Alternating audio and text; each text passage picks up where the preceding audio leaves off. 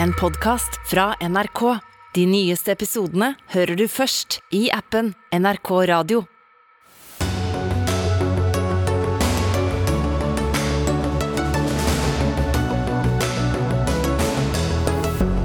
Norge får nye karanteneregler for reisende fra flere afrikanske land. Bør vi også få nye nasjonale smittevernregler? Det ber flere kommuner om. Snart kan det bli ulovlig med pyro på norske fotballtribuner. Dette blir bare rot, ifølge Høyre. Ulikheten i Norge er mye høyere enn tidligere antatt, kommer det fram i en ny rapport fra SSB. De skaper et feilaktig bilde, sier også Høyre. Bør podkaster følge pressens etiske regelverk? Ja, mener Nettavisens Gunnar Stavrum, mens podkastprogramleder Svein Tore Bergestuen er skeptisk. God fredag og vel møtt til Dagsnytt 18, hvor vi også skal snakke om migrantkrisen i Den engelske kanal. I studio Sigrid Solund. Regjeringen innfører karantene for alle som kommer til Norge fra flere afrikanske land. Det skyldes den nye koronavarianten som rykker stadig nærmere. Om den da ikke alt er her. Den ble oppdaget eh, i sør i Afrika. I dag ble det første tilfellet av virusvarianten påvist i Belgia. EU-kommisjonen har besluttet å stanse all lufttrafikk mellom Europa og flere afrikanske land. Og helseminister Ingvild Kjerkol, det går jo ikke direkte fly til eh, Norge fra det sørlige Afrika, men hva innebærer de nye innstrammingene på reiser her til lands? Det innebærer at eh, de som kommer fra utvalgte land i Afrika, de eh, må eh, gå og gjennomføre karantenehotell ved ankomst. De kan, hvis de er en norsk familie, teste seg ut av karantenehotellet etter tre døgn med en negativ test, og tilbringe resten av karantenetida i egen bolig. Um, og Det innebærer også at man skjerper kontrollen med reisende fra disse områdene. Er det andre ting myndighetene gjør for å hindre at denne varianten finner veien til Norge? Eh, det er viktig at vi klarer å forsinke og eh, hindre denne varianten i å spre seg. Nå jobber Folkehelseinstituttet for å få mer kunnskap om denne varianten. Eh, og det grepet som regjeringa har beslutta i dag, å, innføre disse innreiserestriksjonene fra midnatt i kveld, det er jo et forsøk på å gjøre nettopp det. Mm. Men så vet vi også fra tidligere mutasjoner Bl.a. den britiske varianten den kom jo til Norge fra et østeuropeisk eh, land. sånn at det her er jo ting vi har eh, forventa at sånne mutanter kan dukke opp. Men det her er målretta mot afrikanske land nå, og vi håper at det skal være med å forsinke og hindre at smitte fra en sånn variant brer seg i Norge. Assisterende helsedirektør Espen Nakstad, hva vet vi om denne nye varianten? Vi vet at det er en variant som har ganske mange mutasjoner på dette piggproteinet, over 30 stykker. Og ti av dem er mutasjoner som koder for endringer på reseptorbindingsstedet, altså den delen av viruset som faktisk hooker seg fast i cellene våre og, og gjør at de kommer seg inn. Og eh, Så vet vi også at det har vært en del utbrudd i studentmiljøer, i klynger, og at denne har utkonkurrert faktisk deltavarianten på bare to uker i deler av denne regionen rundt eh, Johannesburg. Men hva betyr det, det første du sa? Betyr det at den smitter lettere? At folk det betyr, blir sykere? Eller? Det betyr at både mutasjonene og erfaringen med disse smittetilfellene tilsier at den smitter lettere. Men det vi ikke vet, det er om vaksinen har redusert effekt. Eh, men man frykter det, og man vet heller ikke om man blir mer alvorlig syk. Ida Titlestad Dalbakk, Afrikakorrespondent. Du er med oss fra Cape Town i eh, Sør-Afrika. Hvordan har smittetrykket der vært eh, de siste dagene nå?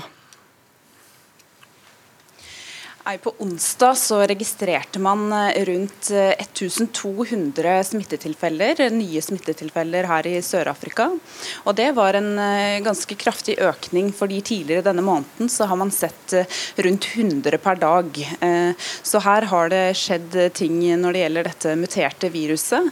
Og Det er jo forskere her i Sør-Afrika på et institutt i Durban som jeg besøkte i tidligere i år, som har påvist dette viruset. og som har sjekket en rekke prøver eh, etter at det ble funnet i Botswana, og som har gått gjennom dette viruset nå i den siste tiden. Og det er jo som blir sagt her også Johannesburg og denne regionen som heter Hauteng, eh, som er hardest rammet. Det er jo den mest folkerike provinsen i Sør-Afrika. Og det er her man nå ser at smittetilfellene har økt kraftig. Og hva gjør myndighetene for å hindre at det spres ytterligere? Det forskerne sier, er jo at vaksinen fortsatt er eh, det viktigste middelet mot eh, viruset. og Inntil man vet mer, så må myndighetene fortsette å vaksinere befolkningen. Det har jo tatt lang tid å vaksinere befolkningen her i Sør-Afrika. Det er jo eh, over, rundt 60 millioner innbyggere her, og det tar tid. Det er mange som bor i fattige områder. Det går framover, men det er hoved tiltaket som myndighetene gjør. Og så eh, snakket jeg også med mennesker på flyplassen i dag som sa at eh, fra klokka tolv så, så, kom det ut en beskjed fra myndighetene at ingen sørafrikanere kunne forlate landet. At det bare var utenlandske statsborgere som fikk lov til å fly ut og til å reise tilbake til sine hjemland i Europa. Og jeg traff jo en, en mann på flyplassen der som hadde bestilt billett for lenge siden, som var sørafrikaner. og som fikk beskjed om at han ikke kunne reise ut i dag. Nakstad, Det er åpenbart at når få er vaksinert, så sprer det seg fortere. Men hva gjør det også med måten viruset oppfører seg opp og muterer på, at, at det er få som er vaksinert? Du kan si Det kan slå begge veier. fordi I samfunn hvor mange er vaksinert, så er det jo de virusene som nettopp unnslipper vaksinen, som har et fortrinn, og som ofte endrer seg. Men eh, det at få er vaksinert, gjør også at eh, relativt sett flere blir smittet. og Da øker også mutasjonshyppigheten fordi eh, viruset hopper til flere personer. rett og slett. Så, så, det kan slå begge veier, egentlig. Og Vi har jo, Ida, diskutert i mange måneder, øh, nå begynner det vel å bli år nærmest, hvilke land og hvem som skal få vaksiner. Nå er vi i gang med tredje dose her i Norge, mens veldig få i afrikanske land har fått noen dose i det hele tatt. Hvordan går den diskusjonen i afrikanske land? Det er mange afrikanere som synes at det har vært en skjevfordeling, og også politiske ledere som har påpekt dette. Eh, Cyril Ramaphosa, presidenten i Sør-Afrika, har jo gått ut og bedt eh, statsledere i andre vestlige land om å dele mer på disse vaksinedosene.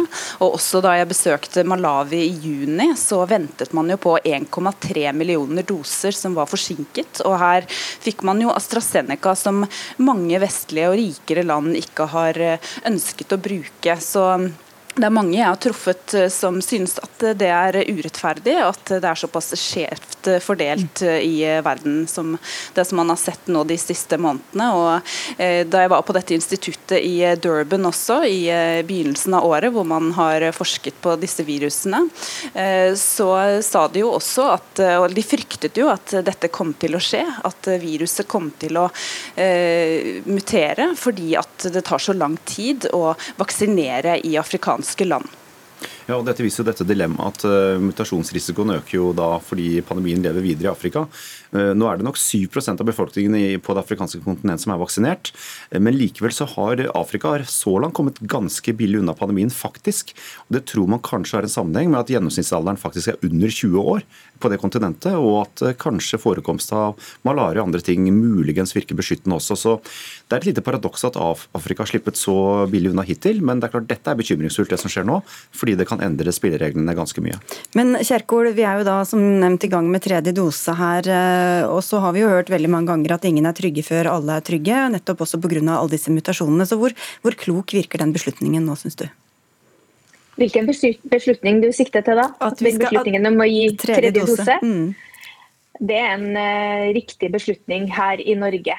Fordi vi ser at eh, helsetjenesten vår står i et eh, voldsomt spenn.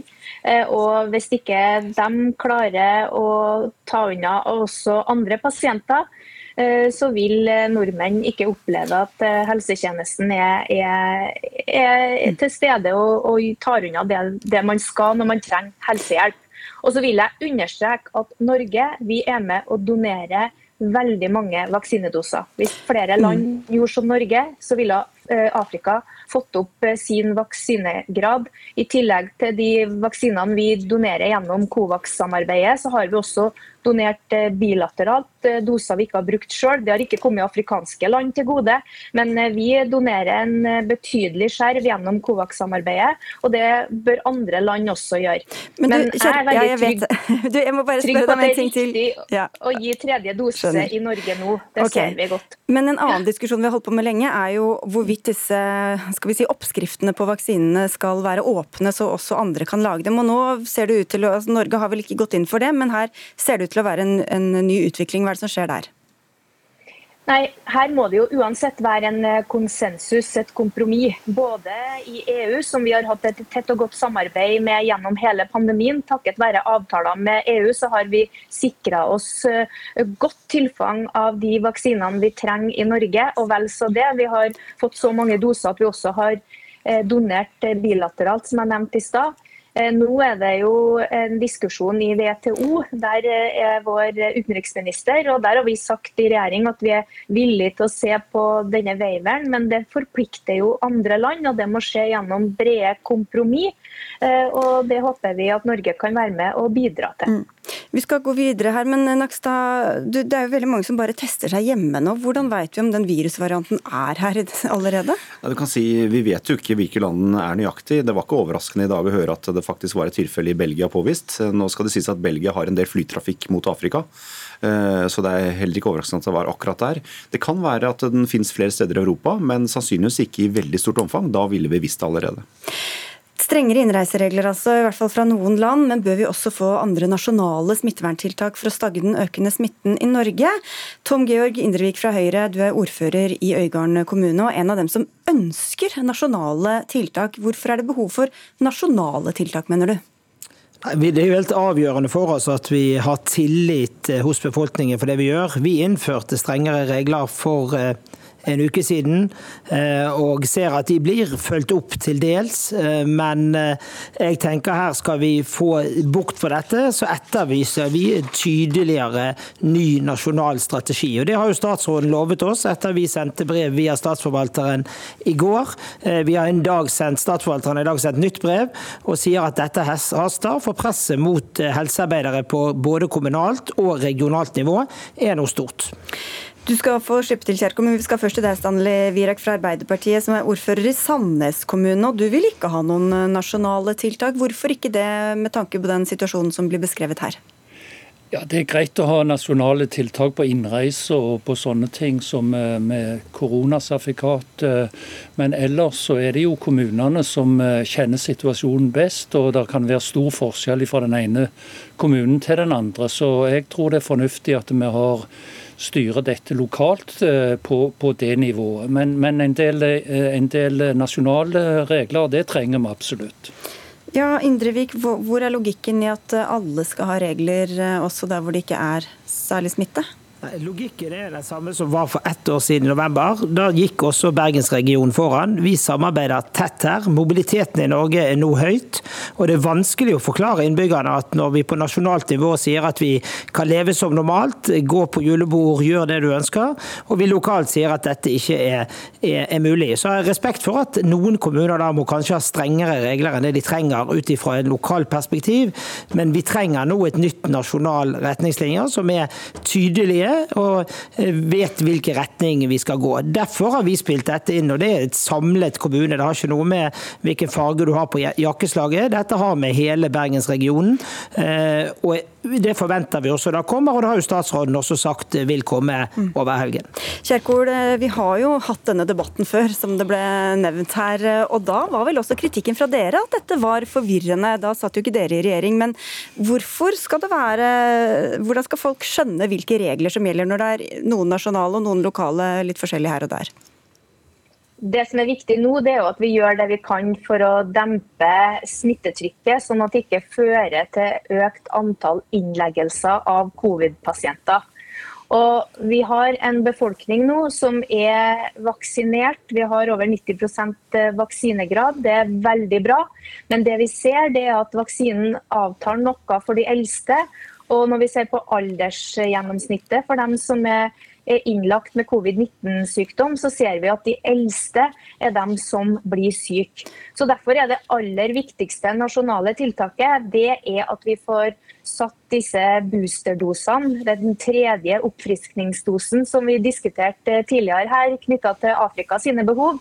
Hvis vi får satt dem til alle over 65 år før jul, så vil vi avdempe presset på helsetjenesten. Og så må jeg understreke at helsetjenesten altså, I Stavanger f.eks., der melder de jo at det er, helt, det er helt krise på sykehuset. så så er det bare, altså, Hvorfor er du så trygg på at, at, at det ikke trengs flere nasjonale tiltak?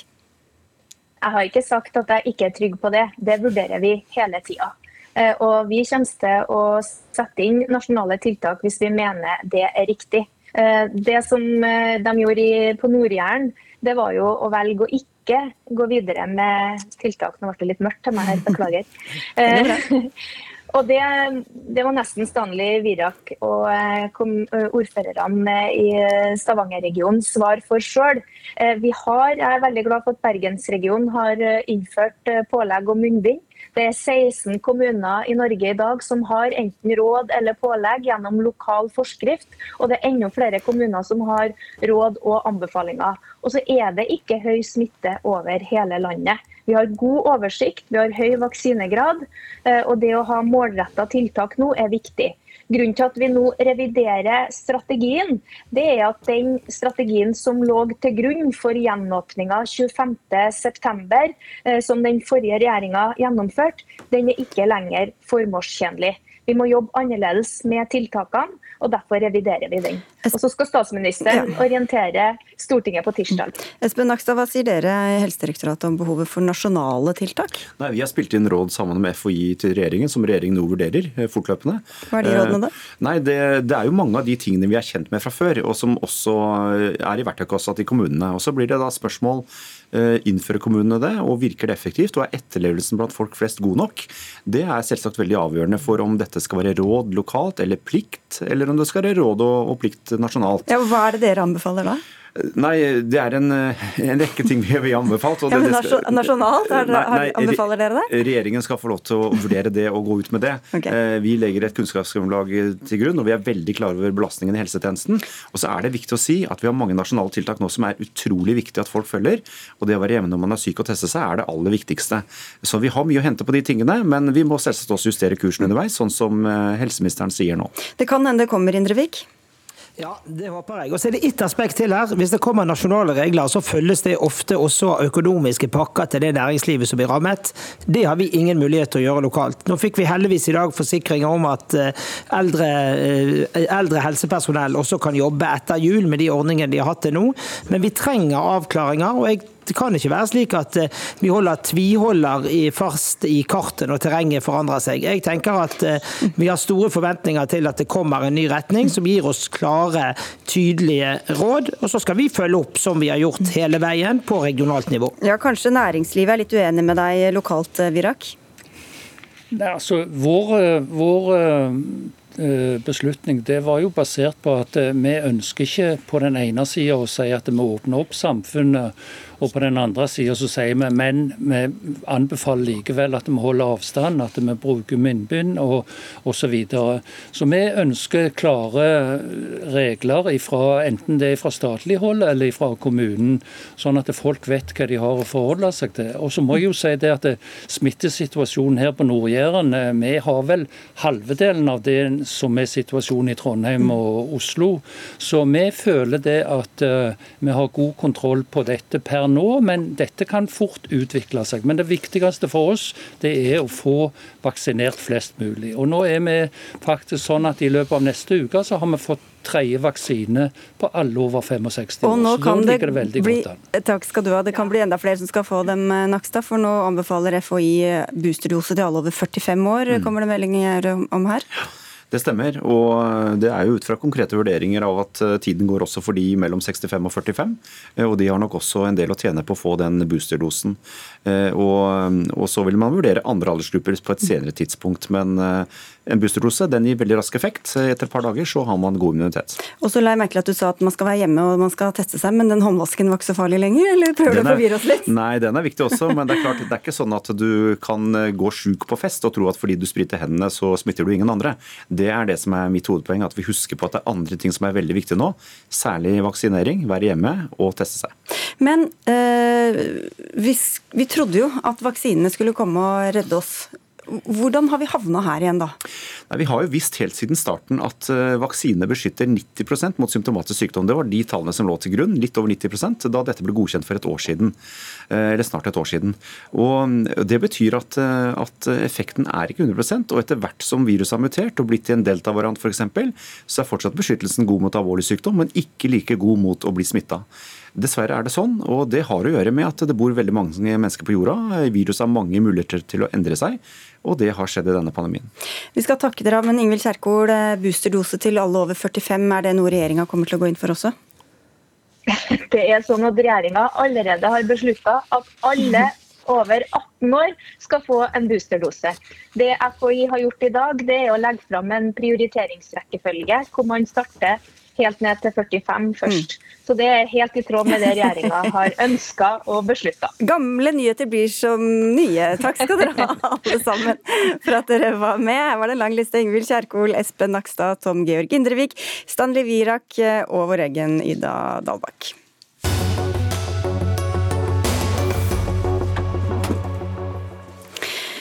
Røyk og røde skyer som fyller norske fotballstadioner kan snart være historie. Nå vil nemlig Direktoratet for samfunnssikkerhet og beredskap, DSB, forby bruken av eh, nødbluss, i hvert fall blant vanlige fotballsupportere på tribunen. Britt Skadberg, du er seksjonssjef i DSB, som har utarbeidet forslaget. Før vi kommer til det, helt kort, hva er det som regnes som pyro eller pyrotekniske artikler, som det vel er forkortet for? Det er flere kategorier. Eh, DSB er jo fagmyndigheten for samfunnssikkerhet. og Det er vår oppgave å tenke på sikkerheten til befolkningen, og at det skal oppleves trygt å gå på fotballkamp i Norge. Jeg har selv vært fotballspiller og jeg har stor forståelse for at det ønskes god stemning på stadion, men det må skje innenfor trygge og kontrollerte rammer. Det er intensjonen bak forskriften, og det implementerer EU-direktivet fra 2013. Det er ikke snakk om et totalforbud. Revisjon av forskriften i denne omgang handler om flere ting, men det som angår norske fotballkamper, gjelder en innskjerping når det kommer til hvem som skal ha anledning til å håndtere pyroen. Det som ikke er forandra, er krav til å innhente tillatelse fra brannvesenet og eventuelt fra politiet i henhold til vedtektene, og det må foregå på et avgrensa og egnet område med artikler som er meint for underholdning. Og Dette er våre betraktninger, og nå ligger forslaget til politisk forhandling. Det er politikerne som bestemmer. Men hva betyr det? Hva er det som skjer på norske fotballtribuner og stadioner i dag, som da ikke vil være mulig med deres forslag? Det er som sagt det er fire ting som må på plass med ny forskrift. Tre av de tingene videreføres fra tidligere. Det nye er at det må være en profesjonell pyrotekniker som håndterer pyroen. Ok. Eh, det var jo Norges Fotballforbund og Norsk Toppfotball som tok initiativ til å se på disse reglene. De kunne, eller ville ikke stille her i dag. Bjørnar Posé Sambod fra Norsk supporterallianse og styreleder i Stabæk Support. Hvorfor er det så viktig med pyro på fotballkamper? Ja, jeg skjønner at noen lurer, og dette er jo en del av fotballkulturen over hele verden. På linje med flagg og bannere og sang og andre sånne kulturelle innslag som, eh, som vi bruker. Så det, det, er rett og slett en, en, stemningsskaper. Og Det som er unikt da, i norsk sammenheng, er at vi har hatt en mulighet til å gjøre dette på en måte som er lovlig i en god del år. Eh, og Det har jo gjort at vi har kunnet ha et konfliktnivå eh, mellom klubb og supportere og vakter og politi som er sensasjonelt lavt. Vi har egentlig veldig god oppslutning om fotballen i Norge. Det er veldig mange forskjellige folk som går på kamp. Og vi har klart å få det til å fungere på en bra måte, der det er plass til alle på stadion. Og en vanlig motsetning her, som jeg ofte blir konfrontert med, er at det skal være trygt for familier og barn og sånne ting. Og det er det. Den lovlige måten er den trygge måten å gjøre det på. En arena er kjempestor. Vi har plass til folk som må trilles, folk som vil sitte med familien sin, og folk som vil stå på et ståfelt. Pyro er ikke noe som er til hinder for det. Ja, har det vært farlig, Skadberg? Altså, Pyro er utfordrende i ukontrollerte rammer. Risikoen knytta til disse artiklene er jo flamme. Det er høy temperatur, det slukker ikke før det brenner tørt, og det utvikler røyk. Og Faren for antennelse og brann er til stede, men òg skade på kropp. Det kan òg oppstå en krevende evakueringssituasjon på en allerede røykelagt stadion. Det jeg tenker at man må se på, det, det er liksom evidensbasert. Hvor mange skader har vi hatt i løpet av de årene vi har holdt på? Og vi har brent titusenvis av bluss siden tidlig 2000-tallet. Og vi har forsvinnende lite skader. Vi har så lite skader at da Fotballforbundet skulle vise hvor farlig pyroteknikk er, i 2019, så brukte de bilder av en nederlandsk mann som var blitt angrepet med bensinbombe. Det fins ikke eksempler av praktisk bruk av pyroteknikk i Norge på at det fører til skader. Mm. Og da syns jeg man skal være litt varsom med å dra inn et forsiktighetsprinsipp for å innskrenke noe for veldig mange som har vist at de kan det de driver med. Du skal få svareskade, men vi skal få inn skal vi si, en litt uventet stemme i denne sammenhengen. Peter Frølich, stortingsrepresentant for Høyre og også Brann-supporter, er kanskje en viktig titulering her. Bare rot, sier du med dette forslaget. Hvorfor det?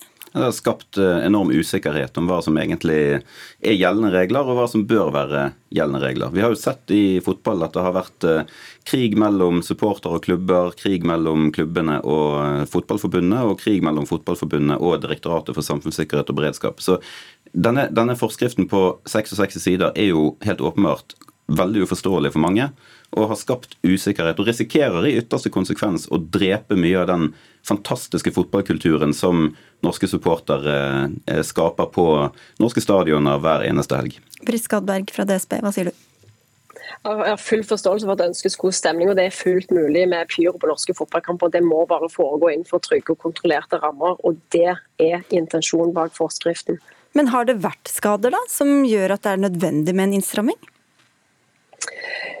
vi ser jo at eh, det ikke er rapportert inn, men vi har primært eh, ansvar for forvaltning av den lovlige håndteringen av pyros. Har politiet ansvar for den ulovlige håndteringen.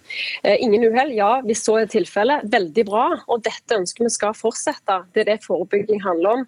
Å tillate dette i regulerte former. Skulle man tillatt bluss på norske fotballbaner, så ville man fått utfordringer i forhold til EU-direktivet, som vi er forplikta til å implementere. Og Det samme gjelder nødpyroteknikk som er meint for sjøfart. Hvis EU sier det, Frølich, da er det vel greit? Det vi vet om EU-direktiver er at det finnes en fleksibilitet innenfor eh, implementeringen, og det er helt 100% sikker på at man kan gjøre bedre enn det utkastet som ligger her. Altså Bare hør, hør på det kravet som ble opplistet i sted. At, at alle de som håndterer pyroteknikk på en stadion må være eh, profesjonelle pyroteknikere. Altså Det er jo helt virkelighetsfjernt. Har man sett hvordan det er på fotballstadioner? Altså De som håndterer pyroteknikken, kan jo ikke være eh, profesjonelle pyroteknikere, men de kan være flinke for det. De kan være kurset, de kan være ansvarlige. de kan ha men ingen, Men ingen trenger å bli kurset eller være ansvarlige? Eller? Jo, jeg syns det, det, skal være et krav. At, eh, at klubbene og brannvesenet Men det er ikke et krav i dag, eller? Det er iallfall en praksis som de har hatt, og som har fungert i lang tid. Det er at man er blitt enige og funnet gode rutiner og gode protokoller på hvordan man skal gjøre dette. Hva skjer i en nødsituasjon? Hvordan skal man håndtere det hvis det går galt? Man, man plasserer ansvar, man har sikkerhetsrutiner. Man gjør dette på en god måte. Og det som er så utrolig, er at hvis dette systemet har fungert kjempebra i lang tid. Hvorfor gå inn og, og rote det til? Det, det forstår jeg ikke. Skadberg. Det er jo ikke veldig komplisert. Eh, for å bli en eh, profesjonell scenepyrotekniker så krever det et eh, kurs og en gjennomført eksamen. Men det vil selvfølgelig òg kreve god planlegging, sånn som Frølich refererer til. Men Sambo, hvis du sier at dette fungerer i praksis, hvorfor ikke da formalisere det også for å sørge for at ikke hvem som helst bare kan komme med et nødbluss midt oppi en familie, eller hva det er, og sende opp ja. Vi har hatt en lovlig ordning med, med søknader hvor du forteller hva du skal gjøre. Eh, men at det da er vanlige folk, edre folk, sånn som meg og deg hvem, som, passer, hvem passer på det, da? Det er klubben som passer på. Det har vært sånn at Hjemmelaget er da arrangør og dermed liksom ansvarlig, og det er vi og de som da sender inn denne søknaden til brann og politi, og får den godkjent der. Og, Det gjør at, at, vi har kunnet ha alle disse arrangementene. Det som skjedde for to år siden, var at DSB kom og sa at bluss ikke er lov på stadion. Og vi har ikke satt oss godt nok inn i forskriften som gjelder. Og det er ikke riktig. Bluss kategori P1 er ikke regulert på en spesiell måte som tilsier at det ikke er forbudt, altså at det, ikke er lov på stadion. Og Det tror jeg er formålet med denne innskrenkingen. Det er å få terrenget til å passe med hva DSB sa for to år siden om at bluss hører ikke hjemme på stadion. Det kan man godt mene, men DSB er også satt til å forvalte et lovverk slik eh, det er. Og når vi har blitt feilinformert i to år, og det har skapt enorme konflikter og konsekvenser og en mengde ulovlige aksjoner, og det er vår sikkerhet det går utover.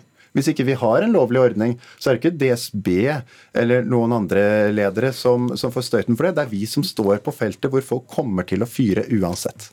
Skalberg. Reglene har vært de samme helt siden 2013. Eh, det som skjedde i 2019 handler om å presisere regelverket, og det er det vi forsøker nå i denne forskriften òg. Og enda bedre presisere det som er reglene. Og eh, Dette handler jo om å, å, snakke sammen og forstå hverandre. og Vi har tatt et initiativ til et møte med Norske, eh, Norges Fotballforbund som vil eh, skje neste uke. Ja, Det skal skje på tirsdag, men du Peter Frølich, hva sier du om norsk fotball at man må sende opp nødbluss under kampene? Ja, men dette, dette har fotballsupportere gjort eh, til alle tider. Jeg har vært sikkert vitne til Altså jeg vet Brann har i alle fall hatt 75 i alle fall kontrollerte pyroshow som skaper en helt utrolig stemning. Det hjelper ikke så veldig mye på resultatene, det må jeg jo si, men, men herregud for en god stemning det, det skaper. En god avledningsmanøver i hvert fall.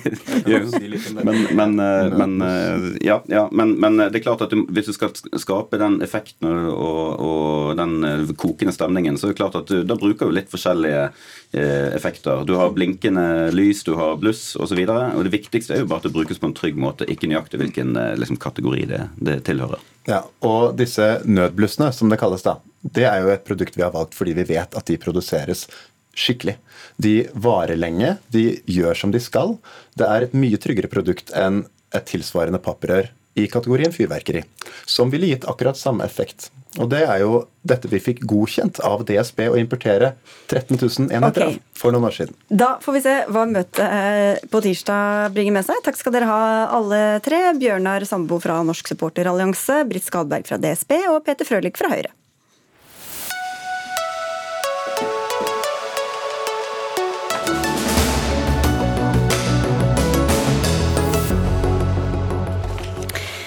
Rikeste er enda rikere enn man har regna med. Faktisk er ulikheten 36% større enn tidligere antatt.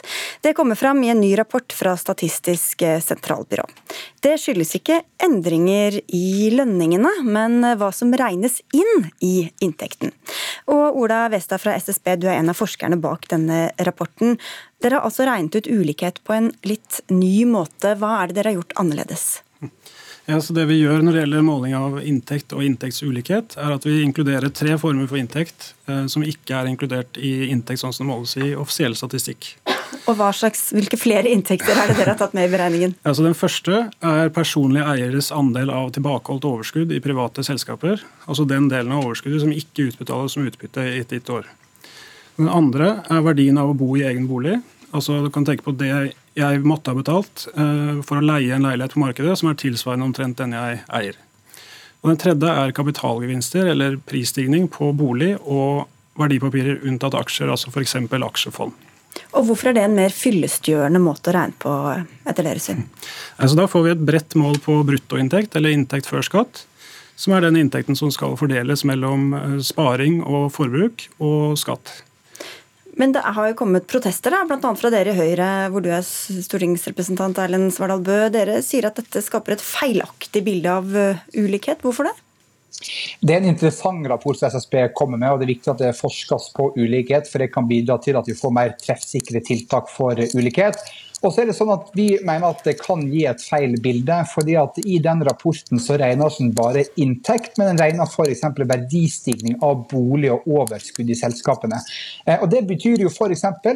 Hvis du kjøper deg en bolig, eh, og den boligen eh, har en verdistigning på 200 000 for på ett eller to år, så vil jo det regnes med som en er det inntektsutregninga som SSB her gjør.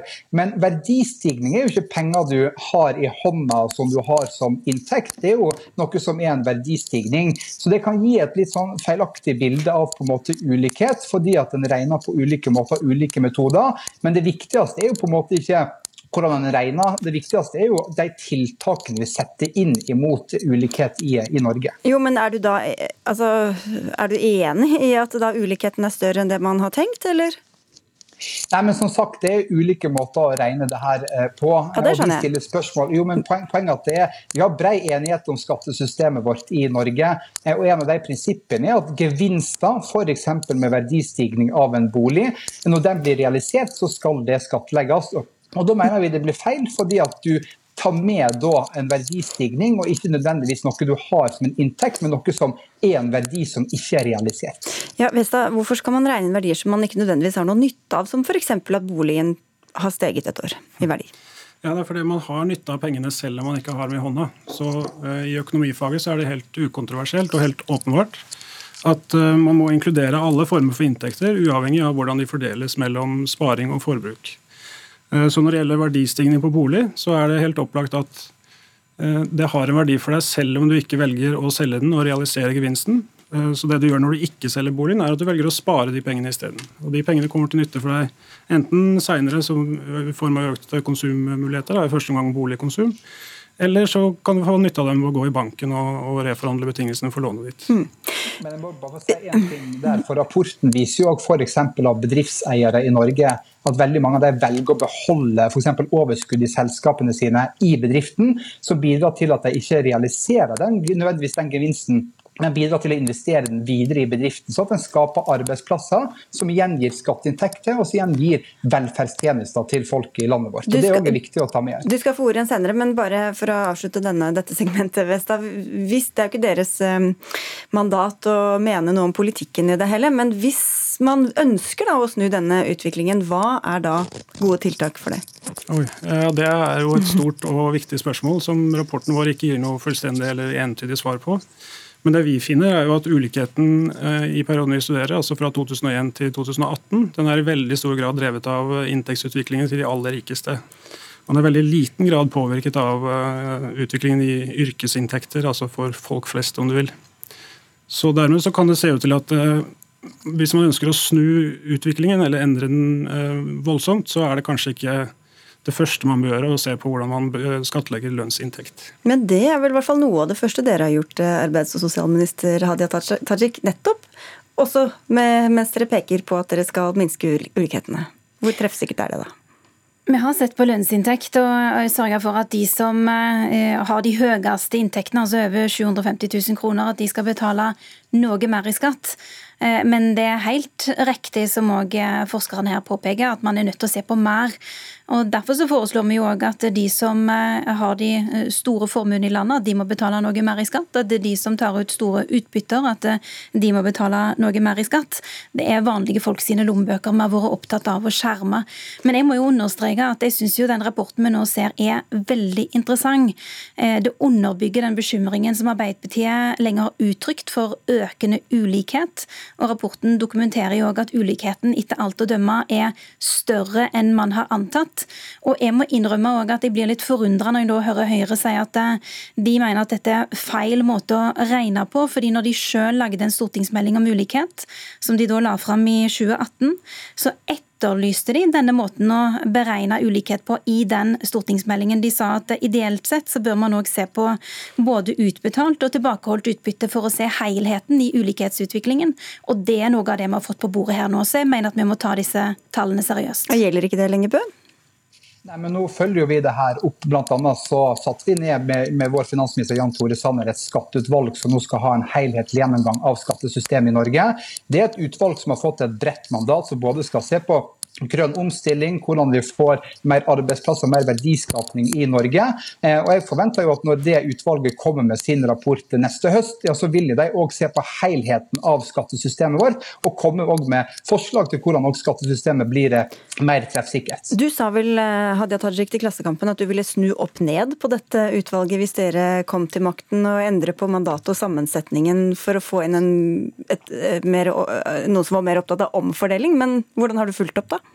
Eh, det er absolutt fortsatt aktuelt å gjøre endringer i mandatet til skatteutvalget som Høyre her refererer til. Eh, Ikke lenger sammensetningen? Eh, vi kan selvfølgelig se på sammensetningen òg. Det som er litt viktig å understreke, er jo at noe av det som denne SSB-rapporten påpeker, altså knytta til tilbakeholdte utbytter, det har jo altså ikke Høyre foreslått at man i skatteutvalget ser nærmere på. Mens denne regjeringa, med Arbeiderpartiet og Senterpartiet, sier veldig tydelig i Hurdalsplattformen at vi vil se på omfanget av tilpasninger knytta til det man kaller aksjonærmodellen og fritaksmetoden, og at man skal ha tiltak eh, mot utilsikta tilpasninger. Så Poenget med det er at noe av det som SSB-rapporten her bringer på bordet av eh, økt ulikhet knytta til tilbakeholdte utbytter, vil det være mulig å se nærmere på med den politikken som Arbeiderpartiet har, men ikke med den politikken som Høyre har. Men Bø, du sa at det var interessant, eh, og nå ser vi jo da at ulikheten er større, og at det kanskje skyldes eh, andre ting også enn det, enn det vi så langt har regna med. Men skal det ikke få noen konsekvenser for politikken vi fører? Jo, absolutt. og Det er jo det som er poenget mitt. at Én ting er å se på metodene i en rapport, men det viktigste for folk er jo hvilke tiltak som settes inn imot ulikhet. Jeg må jo si jeg reagerer litt når Hadia Tajik her begynner å snakke om, om, hva vi har fått til i regjering. Vi fikk til mye i regjering. Vi innførte fritidskort for barn og unge. Vi har sørga for å heve ambisjonene i skolen. Vi sørga for at en gjennomsnittlig familie fikk 14 000 mindre i skattelette. Det vi ser Mindre skattelette var kanskje jo, jo, men hør nå. Jo, men det vi ser, ja, mer i skattelette, unnskyld. Ja. Men det vi ser nå når Hadia Tajik Breivik og Arbeiderpartiet har fått ansvar, det er at de fjerner fritidskort for barn og unge. De senker ambisjonene i skolen. De øker skattene ja, sånn at lærlinger får 5000 mer. Det er litt sånn utenfor fokus her. Vi må diskutere tiltakene, ikke bare metodene for å få ulikhet ja, men det, er det, jeg prøver, det handler om skole, det handler om arbeidsliv. Hør her nå. Den rikeste 1% betaler altså vesentlig lavere skatt som følge av inntekten, ifølge SSB. Hvorfor syns ikke Høyre at det er problematisk? I Norge så har vi et progressivt skattesystem som bidrar til utjevning. Jo, men vi, vi, har skatter sånn at du betaler skatt etter evne. Det er veldig mange jo, men når vi ser hvem som faktisk betaler skatt, når du kommer over et visst uh, punkt, så betaler du mindre. Jo, men Det er jo derfor vi har satt ned et skatteutvalg som skal ha en helhetlig gjennomgang av skattesystemet vårt, som skal se på disse tingene. Så betyr det at dette er noe dere vil gjøre noe med? Ønsker dere å gjøre noe med det, sånn at det ikke lenger skal være sånn? Vi vil jo avvente det skatteutvalget som nå er satt i gang, men satt ned nettopp av Høyre i regjering, og som skal levere sin rapport neste høst, for å ha en helhetlig gjennomgang av hele skattesystemet. Både for å se på hvordan en kan få mer treffsikker skattlegging og mer effektiv og utnyttelse f.eks. av det grønne skiftet, hvordan vi skaper flere arbeidsplasser, hvordan vi får flere verdier i næringslivet. Så den rapporten den kommer neste høst. Og den kan man vel vente på da, Tajik? Jeg kan ikke se at eh, Høyre har signalisert at de er interessert i å se på eh, tilbakeholdte utbytter. Det er i så fall noe helt nytt som Høyre signaliserer her nå. Og jeg må innrømme ja, men Er det ikke greit å se på alt samlet sett? da? Først så ser vi man kan, hva man kan gjøre, hvilke mulige tiltak man kan komme med, og så ser man hva man vil gå for etter det? De har ikke i mandatet til skatteutvalget gitt en eh, klar og tydelig bestilling eh, om at man skal bidra gjennom endringer i skattesystemet til en, tydeligere fordeling enn eh, skattesystemet i dag bidrar til. Det er den type endringer som Arbeiderpartiet og Senterpartiet vil være interessert i å se på på dette, dette skatteutvalget. Men jeg må innrømme at jeg syns det er ganske opprørende òg når tallene for SSB viser så tydelig at skattesystemet i Norge er mer regressivt enn i USA for noen av de aller rikeste i landet. At man samtidig har et Høyre i Norge som ikke tar det seriøst. Altså Regressivt, de, nettopp det vi var inne på i stad, at de aller rikeste betaler mindre. Ja, Det var en veldig god måte å si det på. Men jeg kan godt ta Høyre sine argumenter òg eh, på alvor når de står her og sier at eh, de ville ha et fritidskort, eh, sånn at eh, flere av de som har lite penger skal kunne delta mer i idrett. Men altså ærlig talt, fritidskortet retter seg mot 12% av kommunene våre. Og det koster altså en kvart milliard kroner. Det Arbeiderpartiet og Senterpartiet har bidratt til, er jo heller å bruke pengene på å kutte maksprisen i barnehagene. Og at fritidskortet skal være liksom det store svaret på de store og økende ulikhetene i landet vårt, det kan jeg virkelig ikke se. Det var riktignok bare en del av en lang liste som jeg avbrøt, da. Men du kan jo få svarebø på det, de litt store grepene her. Nei, men Poenget er jo at som sagt, vi har innført et fritidskort for barn og unge. og så synes det er synd at Arbeiderpartiet ja, men Er det det store, er det, det store utjevnende grepet deres? Det er det ikke, men det er et viktig del av det. Det viktigste grepet vi tar, er jo hvordan vi sikrer f.eks. en god skole der vi sørger for at elevene fullfører. Og Da synes jeg det er dumt at f.eks. Arbeiderpartiet fjerner firerkravet for å bli lærer, som bidrar til å senke ambisjonene. Så vet vi også at arbeidslivet er viktig, sånn at vi har et inkluderende arbeidsliv. Eh, men poenget mitt er at noen av disse tingene er jo at vi diskuterer metodene. Vi må også diskutere tiltakene for de som opplever ulikhet. og Da er faktisk et fritidskort for barn og unge viktig. og Derfor er det synd at Arbeiderpartiet fjerner det, sånn at færre barn og unge som er i lavinntektsfamilier, ikke får muligheten til å være med på fritidsaktiviteter. Da kan vi legge den fritidskortet dødt, kanskje? Ja, det håper jeg. Fordi det er tre store ting som må til for å bidra til å få forskjellene ned. Det ene er å bidra til å få flere i jobb. Der har vi en svært ambisiøs eh, næringspolitikk for å øke fastlandseksporten med eh, over 50 fram mot 2030. Eh, vi øker òg tallet på tiltaksplasser inn i det neste året. Vi øker driftsbudsjettet til Nav. Det andre som må til, er mer universell velferd. Der bidrar Arbeiderpartiet og Senterpartiet til nesten 3 milliarder kroner mer til kommunene. Og det tredje som er viktig, og det er kanskje den tydeligste forskjellen mellom oss og Høyre, det er en mer rettferdig skattepolitikk, der de rikeste må betale mer i skatt, mens Høyre gjennom åtte år har gitt store milliardbeløp i skattekutt, der en stor andel del av det har gått til de aller rikeste i landet. Ok, Bø, da skal du få avslutte, og ikke om fritidskortet nå, da. Nei, men en gjennomsnittlig norsk familie har fått 14 000 mindre i skatt med oss i regjering. Det har faktisk noe å si for de familiene. Så jeg mener jeg også at Et inkluderende arbeidsliv, en bedre skole er viktig, men da må en ikke senke ambisjonene for skolen, som Arbeiderpartiet gjør. Og da må en ikke fjerne viktige tiltaksordninger, faktisk som fritidskort er for noen av de barn og unge som opplever ulikhet i, i landet okay, vårt. Det er ikke meningen å le fritidskortet, men bare at det ble nevnt så veldig mange ganger. Så jeg tror vi stanser der, ja. så sier vi tusen takk til dere alle tre økonom i Statistisk sentralbyrå Ola Westad, Erlend Svardal Bø fra Høyre og Hadia Tajik, som nå er arbeids- og sosialminister.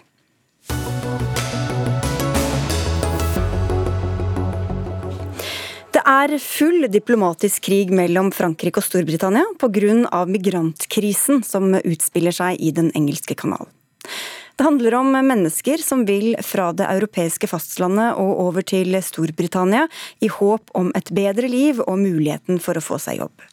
Grensen er stengt, men illegal frakt i gummibåter over kanalen blir den risikofylte løsningen for mange. Onsdag druknet 27 mennesker på ferden, noe som forsterket den pågående konflikten mellom Frankrike og Storbritannia. Og korrespondent eh, i London, Gry Blekastad Almås, hvorfor vil disse menneskene så gjerne akkurat til Storbritannia nå? Ja, Det er nok eh, et, et, sammensatt svar på det, vil jeg tro. Men den eh, franske innenriksministeren peker på to eh, grunner som han kan se. og Det ene er eh, immigrasjonssystemet til britene, som han mener er, eh, ikke fungerer.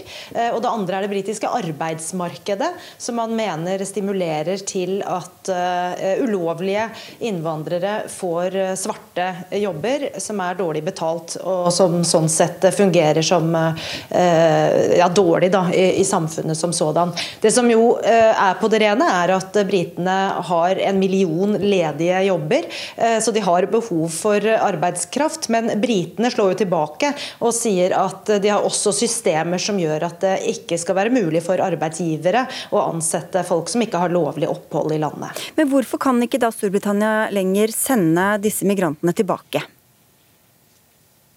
De har jo ingen utleveringsavtale med eh, Frankrike etter at de gikk ut av EU, og heller ikke utleveringsavtaler med andre europeiske land. Så av de 25 000 som har kommet over eh, kanalen hittil i år, eh, så er det kun fem altså fem personer eh, som er blitt returnert til andre land. Og En av de tingene den britiske statsministeren Boris Johnson nå har foreslått, er jo nettopp det at de må få på plass en utleveringsavtale. For hans ønske er jo at eh, disse eh, menneskene i første omgang skal sendes tilbake igjen til Frankrike.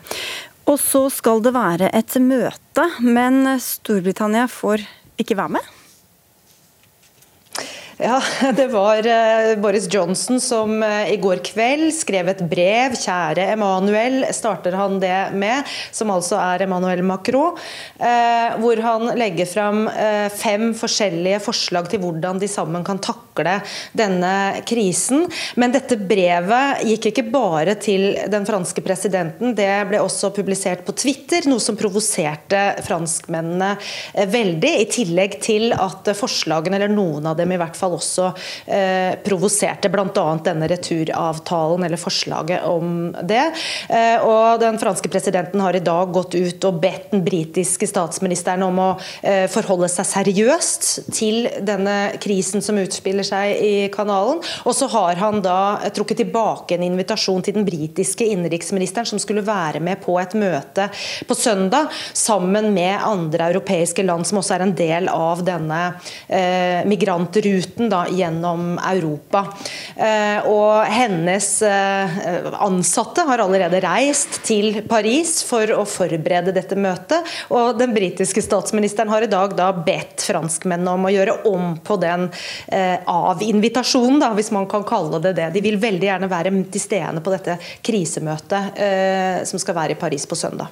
Og til slutt, eh, Gry, Hvordan forholder fransk politi seg til disse menneskene som altså legger ut på en livsfarlig reise fra deres kyst?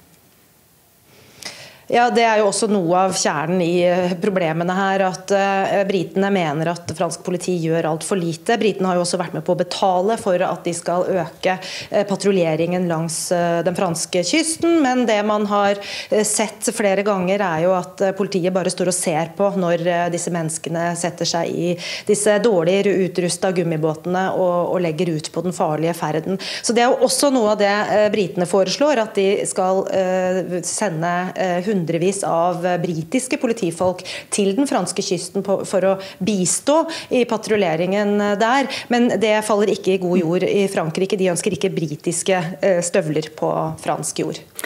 Og EU-hastemøte i helgen, altså. Takk skal du ha, Gry Blekastad Almås.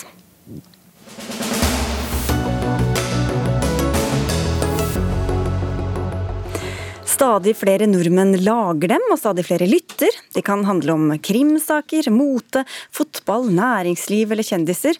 Men hvem passer på at alle podkastene ikke går over streken? De som lages av mediehusene er underlagt pressens Vær varsom-plakat. De uavhengige podkastene trenger jo ikke å forholde seg til annet enn norsk lov.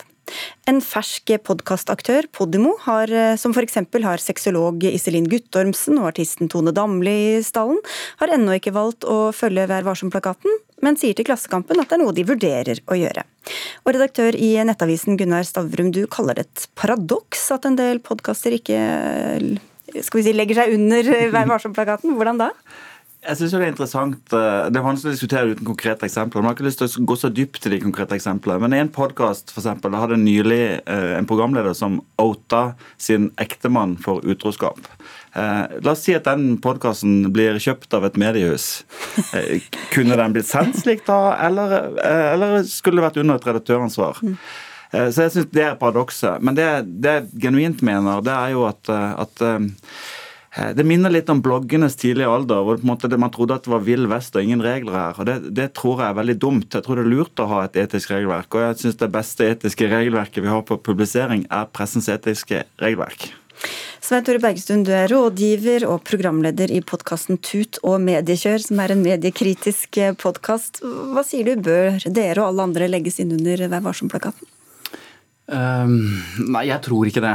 Uh, vi har gjort det frivillig. Eller det vil si vi sier at vi følger pressens regler. Det ville vært rart å ikke gjøre det all den tid vi kritiserer mediene for å bryte Hva var plakaten. Men da jeg lagde, uh, sammen med Lyder Produksjoner, et produksjonsselskap, en podkast om Baneheia, da tok vi et valg at vi ønsket å knytte oss til en redaktør. Fordi vi, vi, drev, vi opplevde at vi drev med journalistikk, og da, hvis noen var uenig i det, eller mente at vi hadde trådt over, så, så ville ville vi at de skulle ha et sted å, å, å, klage.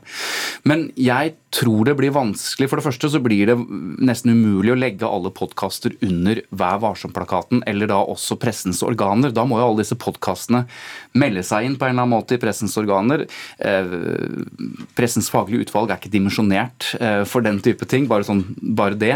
Og så, er det, så tror jeg ikke det vil være et ekte ris bak speilet for podkastene hvis de bryter den etikken. fordi pressen, som er avhengig av tillit og omdømme, de syns det er pinlig og flaut, spør eh, Gunnar Stavrum, når de blir felt i pressens faglige utvalg. Det er ikke noe bra. Men for en podkast som er opptatt av en pratepodkast som er opptatt av lyttertall og full, full kjør, så ville en, en fellelse av den type um, utvalg ikke, ikke, nødvendigvis være oppdragende, da. Stavre. Altså, det viktige her er på en måte at du, at du har et etisk regelverk. og Hvis du ser på pressens etiske regelverk, det er jo ikke, det er jo ikke enkelt å følge. Det er jo veldig vanskelig å ta mange beslutninger. F.eks. skal du identifisere en person i en kriminalsak. Eh, er det du sier sant? Har, vedkommende fått uh, blitt konfrontert med beskyldningene? Og hvordan skal du omtale barn? Altså det, det, det er et komplisert regelverk som vi forsøker å følge oss for tid til annen eh, bommer på. Men ja, det jeg er redd for, at hvis du på en måte bare lager podkaster, og spesielt de podkastene som minner om journalistikk eh, mm. ta, ta, et fenomen akkurat nå da, hvor det er mange vaksineskeptikere som sprer usanne mm. opplysninger om vaksine på en form for journalistisk metode. Det er jeg veldig redd for at skal spre seg. Så jeg synes på en måte det at vi holder opp med at det faktisk skal være sant og korrekt, det som mm. leste, det er et bra prinsipp. Ja, og, og jeg er jo helt enig. og det er jo sånn, Hadde du spurt meg for tre måneder siden, så er det mulig jeg hadde sagt at ja, de bør det. For jeg syns dette er vanskelig. Jeg, har gått fram og tilbake og prøvd å finne noen gode løsninger på dette her. Min opplevelse så langt er at den offentlige debatten er oppdragende i seg selv. Altså, eh, Når f.eks. Tusvik og Tønne, som er en veldig stor podkast som du vel ikke refererte til med navn, men, Anonymt. men, men, når de eh, gikk for langt, og da snakker jeg mer om omtale av enkeltpersoner osv., så, videre, så fikk de reaksjoner offentlig. Jo, men til sånne podkaster som, som hvor, hvor, langt ut i offentligheten når de egentlig, da? De konspiratoriske podkastene? Nei, nei, det er en, et annet. Altså, Norges største podkaster blir utsatt for kritikk når de bryter eh, si, etiske eh, standarder, og det mener jeg er oppdragende. Jeg mener at Tusvik og Tønne sin podkast har endret seg som følge av den kritikken de har fått, f.eks. Og jeg mener det er et godt utgangspunkt at den offentlige debatten blir en arena for å diskutere folkeskikk og etikk, og jeg tror det funker ganske bra. da. Det er på en måte tre diskusjoner her. Det ene er på en måte Bør man ha et etisk regelverk? Og er det etiske regelverket som pressen er i et ganske godt regelverk for publisering? Ja, det mener jeg. Ja, det mener jeg også. Eh, B. Eh, skal de melde seg inn i presseorganisasjonen og betale det som koster for å drive, eh, drive PFU? Sannsynligvis ikke. Men det, mm. det, hjelper ganske bra at de sier at vi bekjenner oss til en del presseetiske regler og, og prøver å følge dem. Men Også, når de ikke engang har en redaktør, hvordan skal de da følge, følge det opp? Ja, det er det som er vrient. De har jo en redaktør, selv om ikke de sier en redaktør. De, det er ikke sånn at det, det, er fritt fram å publisere ting i Norge. Norsk lov setter rammer, eh, markedsføringsloven setter rammer. sånn at du kan jo bedømt til fengsel, eh, selv om du ikke er en del av, av presseetikken. Men, ja. men, men, hva skjer med den spontaniteten og friheten som mange opplever, da, eh, hvis de skal sitte og tenke gjennom om de trenger samtidig møtegåelse, eller om det holder med tilsvar eh, uka etter, eller Jeg føler meg både fri og ansvarlig når jeg sitter her og tenker på de tingene, så jeg tror det er fullt mulig på en måte å opptre på en ryddig måte, selv om du er fri og spontan. Ja, men Det er et godt poeng, fordi eh, hvis det var en, en, en, kontrovers med en liten podkast til ski, noen skiskytterdamer eh, som heter Kant ut. Og de satt og ralla og spredde noen rykter om eh, hva Dagbladet hadde gjort i sin prisverdige journalistikk om spiseforstyrrelser i, i, idretten.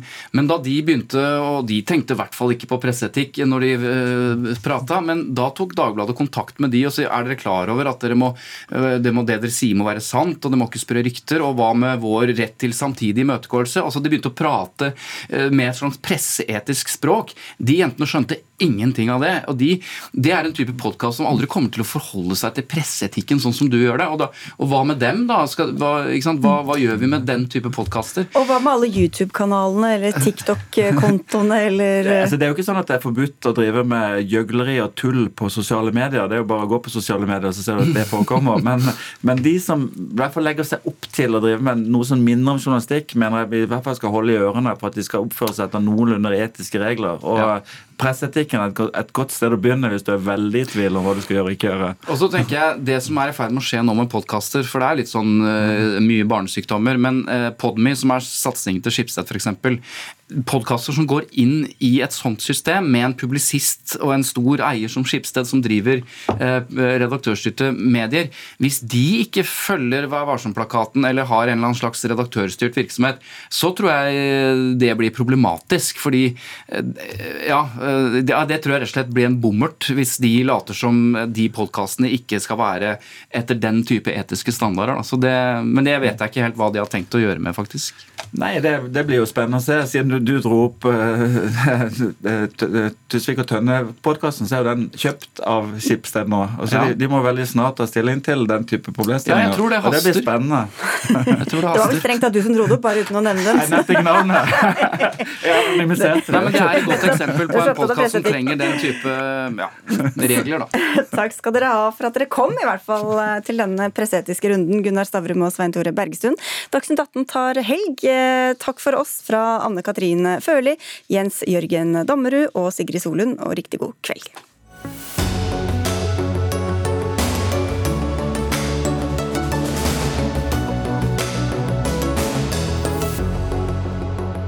Du har hørt en podkast fra NRK.